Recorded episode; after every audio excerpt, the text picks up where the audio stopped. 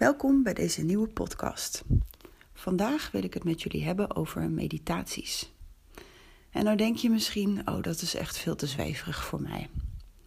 Nou, ik kan je wat vertellen, dat dacht ik jaren geleden ook. Want het beeld wat mensen vaak hebben bij meditatie is dat van een monnik op een rots of op een kussen in een kamer met zijn ogen dicht. En, en dan denken we soms dat iemand dan continu in hogere sferen is, terwijl die uren op een kussentje zit. Nou, dat is eigenlijk complete onzin. Wat meditatie is, is dat het een aandachtstraining is. En dat is eigenlijk helemaal niet zo zweverig als je nagaat in welke tijd we momenteel zitten en met wat voor ziektebeelden we te maken krijgen. We zijn continu afgeleid. We zijn continu bezig. In ons hoofd zijn we bezig met wat we nog moeten doen voor het werk. En vervolgens zijn we alweer drie stappen verder aan het vooruitdenken. Uh, op het werk hebben we kantoortuinen. Fantastisch, ziet er leuk uit, maar werkt voor geen meter als je wil dat je focus en stilte hebt om je werk te kunnen doen. We worden continu afgeleid. Dus, uh, weet je, de, de collega's kunnen continu binnenlopen. Er is altijd geluid. De computers staan aan. Computers geven ook signalen als er mailtjes binnenkomen of andere berichtjes. Dus je brein raakt hartstikke overprikkeld. En dat is natuurlijk ook een van de redenen waarom burn-out zo krankzinnig veel voorkomt op het moment. Dat is niet zomaar.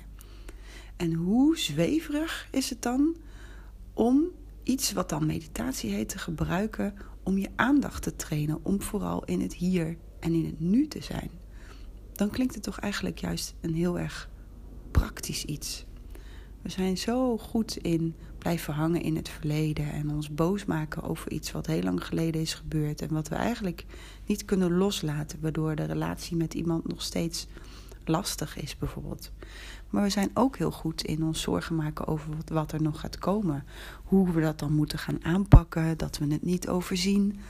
En in beide gevallen hangen we dan of heel erg in het verleden of heel erg in de toekomst. Dat is krankzinnig, want beide bestaan niet of niet meer.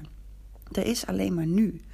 Dus hoe zweverig is het dan dat je met meditatie een soort aandachtstraining doet, als het ware, om juist veel meer in het nu te zijn.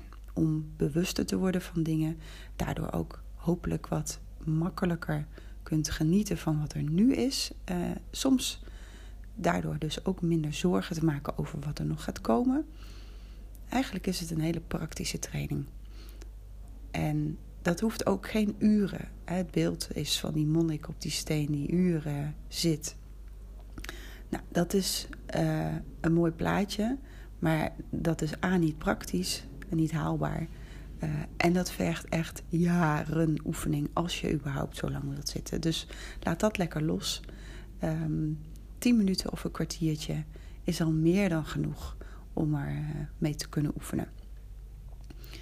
En wat je eigenlijk doet, is je probeert je aandacht te houden op bijvoorbeeld je ademhaling, of hoe je lichaam is, of geluiden die je om je heen hoort.